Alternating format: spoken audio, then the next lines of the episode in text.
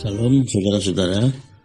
Pagi ini saya akan sampaikan renungan singkat bagi kita semuanya, yaitu dengan tema menghadapi masa sukar. Di dalam 2 Timotius 3 ayat yang pertama, saya akan bacakan buat kita semuanya. Ketahuilah bahwa pada hari-hari terakhir akan datang masa yang sukar. Bapak Ibu Saudaraku, dikatakan dalam firman Tuhan tadi pada hari-hari terakhir akan ada masa-masa yang sukar.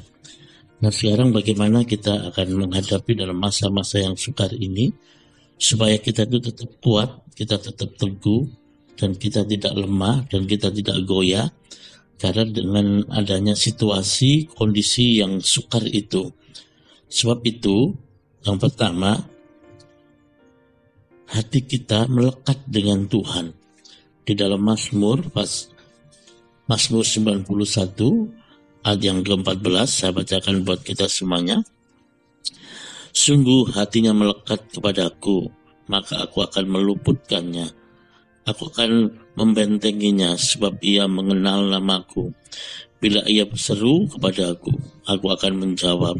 Aku akan menyertai dia dalam kesesakan. Aku akan meluputkannya dan memuliakannya.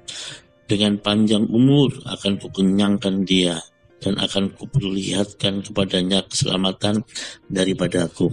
Yang pertama, yaitu kita harus melekat dengan Tuhan. Mazmur Daud tadi dikatakan bahwa hati kita harus melekat dengan Tuhan, maka Tuhan akan memberikan satu kekuatan, kemampuan di dalam diri kita untuk kita menghadapi dalam masa yang sukar itu, supaya hati kita tidak mengalami satu pemberontakan karena permasalahan-permasalahan kondisi-kondisi yang ada yang sekiranya mencoba membawa hati kita itu jauh daripada Tuhan.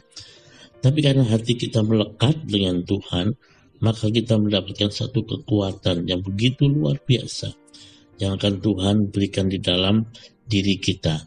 Ya, sebab itu mari Bapak Ibu kita harus melekat hati kita kepada Tuhan.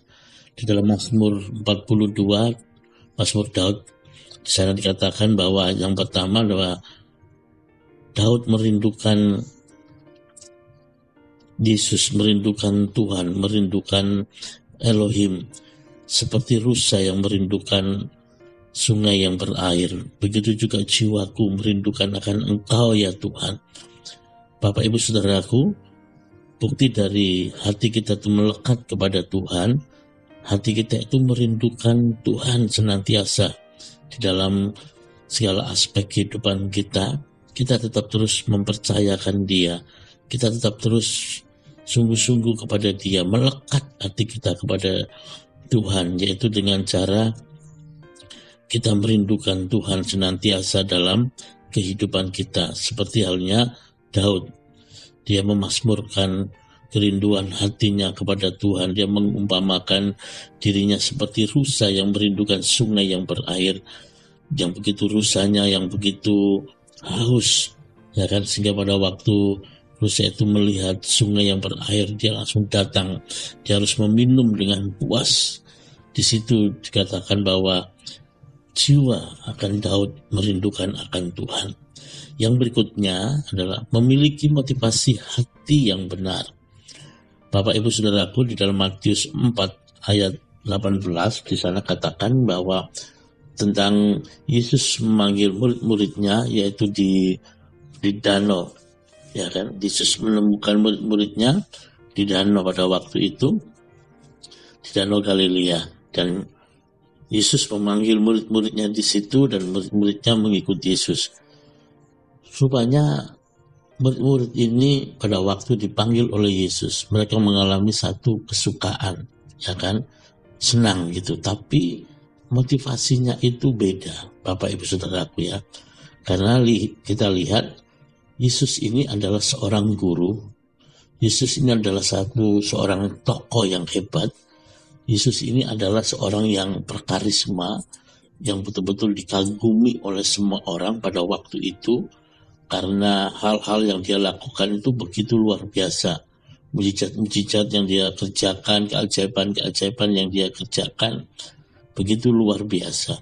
Sehingga pada waktu dia memanggil murid-muridnya ini, murid-muridnya itu respon, tapi dengan motivasi yang cukup kurang benar, Bapak Ibu Saudaraku. Mengapa? Karena dia berpikir, saya mengikuti Yesus pada waktu itu, karena Yesus ini adalah seorang guru. Saudara kita lihat, untuk mengikut menjadi murid seorang guru atau ahli Taurat pada waktu itu itu tidak main-main saudara-saudara ya karena harus melalui satu apa eh, tahapan-tahapan uh, yang ada kalau di sekolah Yahudi itu itu orang harus mengikuti satu tahapan-tahapan yang yang ada. Dia baru mengikuti uh, menjadi murid dari seorang guru itu ya. Kalau kita lihat dari sekolah Yahudi itu yang pertama misalnya miksra, yaitu dia harus dimulai dari umur 5 sampai 10 tahun, ya kan? Atau bisa katakan itu SD gitu ya, itu tahapan-tahapan yang ada. Yang berikutnya misa, yaitu SMP 10 sampai 12 tahun.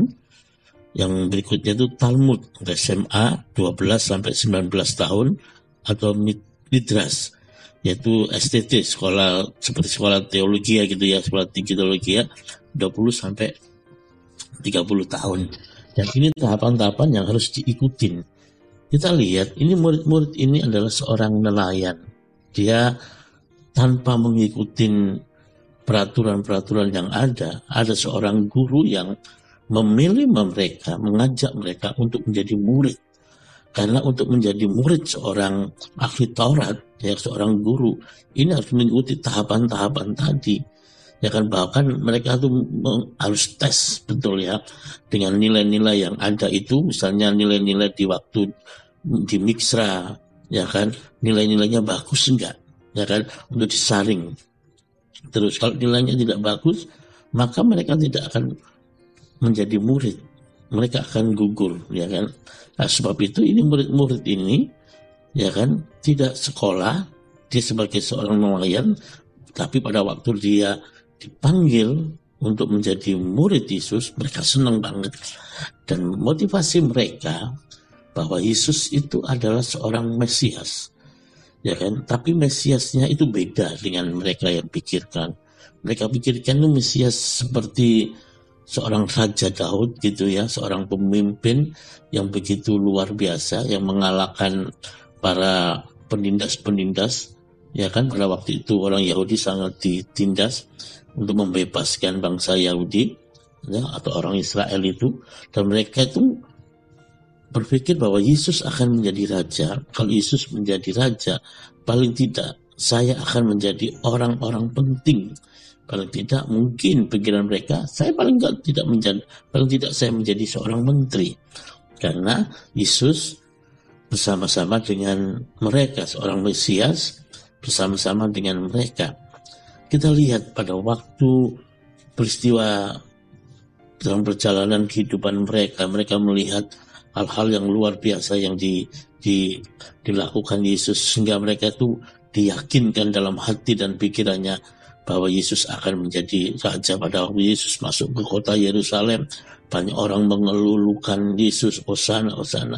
Semakin yakin murid-murid itu bahwa Yesus akan menjadi raja. Tapi dalam pikiran dan hati mereka, yaitu raja yang terbatas.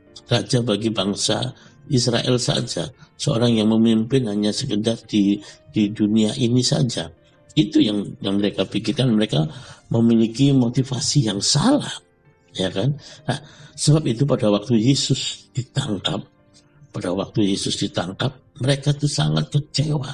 Harapan mereka itu luntur, harapan mereka itu sudah tidak ada, mereka putus asa karena orang yang diharapkan itu rupanya ditangkap.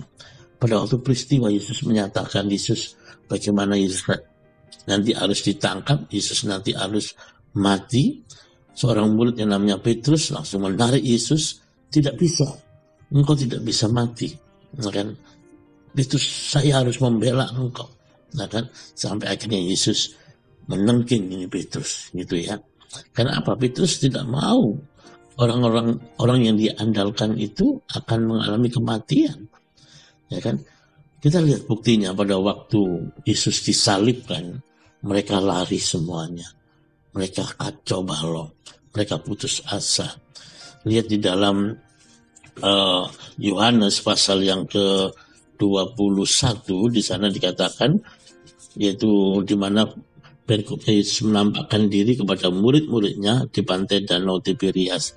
Di situ cerita itu dikatakan bahwa ada beberapa murid itu mulai apa melakukan pekerjaan yang semula. Mereka putus asa. Ya kan? Dikatakan ayat yang ketiga, kata Simon Petrus kepada mereka, aku pergi menangkap ikan. Kata mereka kepadanya, kami pergi juga dengan engkau. Mereka berangkat lalu naik ke perahu tetapi malam itu mereka tidak menangkap apa-apa. Artinya Petrus mulai kembali lagi ke profesi yang lama karena harapannya sudah pupus. Harapannya sudah tidak ada lagi. Orang yang digadang-gadang untuk menjadi raja rupanya sudah mati. Ya kan? Dan mereka memiliki motivasi yang tidak baik. Ya kan? Nah sebab itu mari kita sebagai anak-anak Tuhan, sebagai hamba-hamba Tuhan, kita memiliki motivasi hati yang benar di hadapan Tuhan. Bagaimana Tuhan memanggil kita, bukan untuk hal-hal yang sekedar sifatnya jasmani saja, tapi Tuhan memanggil kita untuk kita dijadikan seorang murid yang militan, seorang yang betul-betul mencintai Tuhan, menghadapi segala situasi, kondisi apa pun, kita tetap terus teguh di hadapan dia. Kita harus tetap menjadi murid Kristus dalam kesusahan-kesusahan dalam kehidupan kita, baik dalam dalam keadaan apa pun, kita tetap harus kuat, kita harus tetap teguh, kita tidak putus asa, kita tidak kecewa, ya kan? Sebab itu, mari kita memberikan hati kita memiliki motivasi yang benar di hadapan Tuhan, supaya pada waktu kita menghadapi masa-masa yang sukar, kita tetap terus kuat, kita tetap terus melayani Tuhan, kita tetap terus di dalam iman yang kokoh kepada Tuhan Yesus Kristus. Sebab itu, Bapak Ibu Saudaraku, mari untuk menghadapi masa yang sukar ini, yang pertama kita melekat kepada Tuhan. Yang kedua kita memiliki motivasi hati yang yang benar di hadapan Tuhan. Supaya tidak ada satu kekecewaan, keputusasaan dalam diri kita karena motivasi yang salah di dalam hati kita. Puji Tuhan, Tuhan Yesus memberkati kita semuanya. Haleluya. Amin.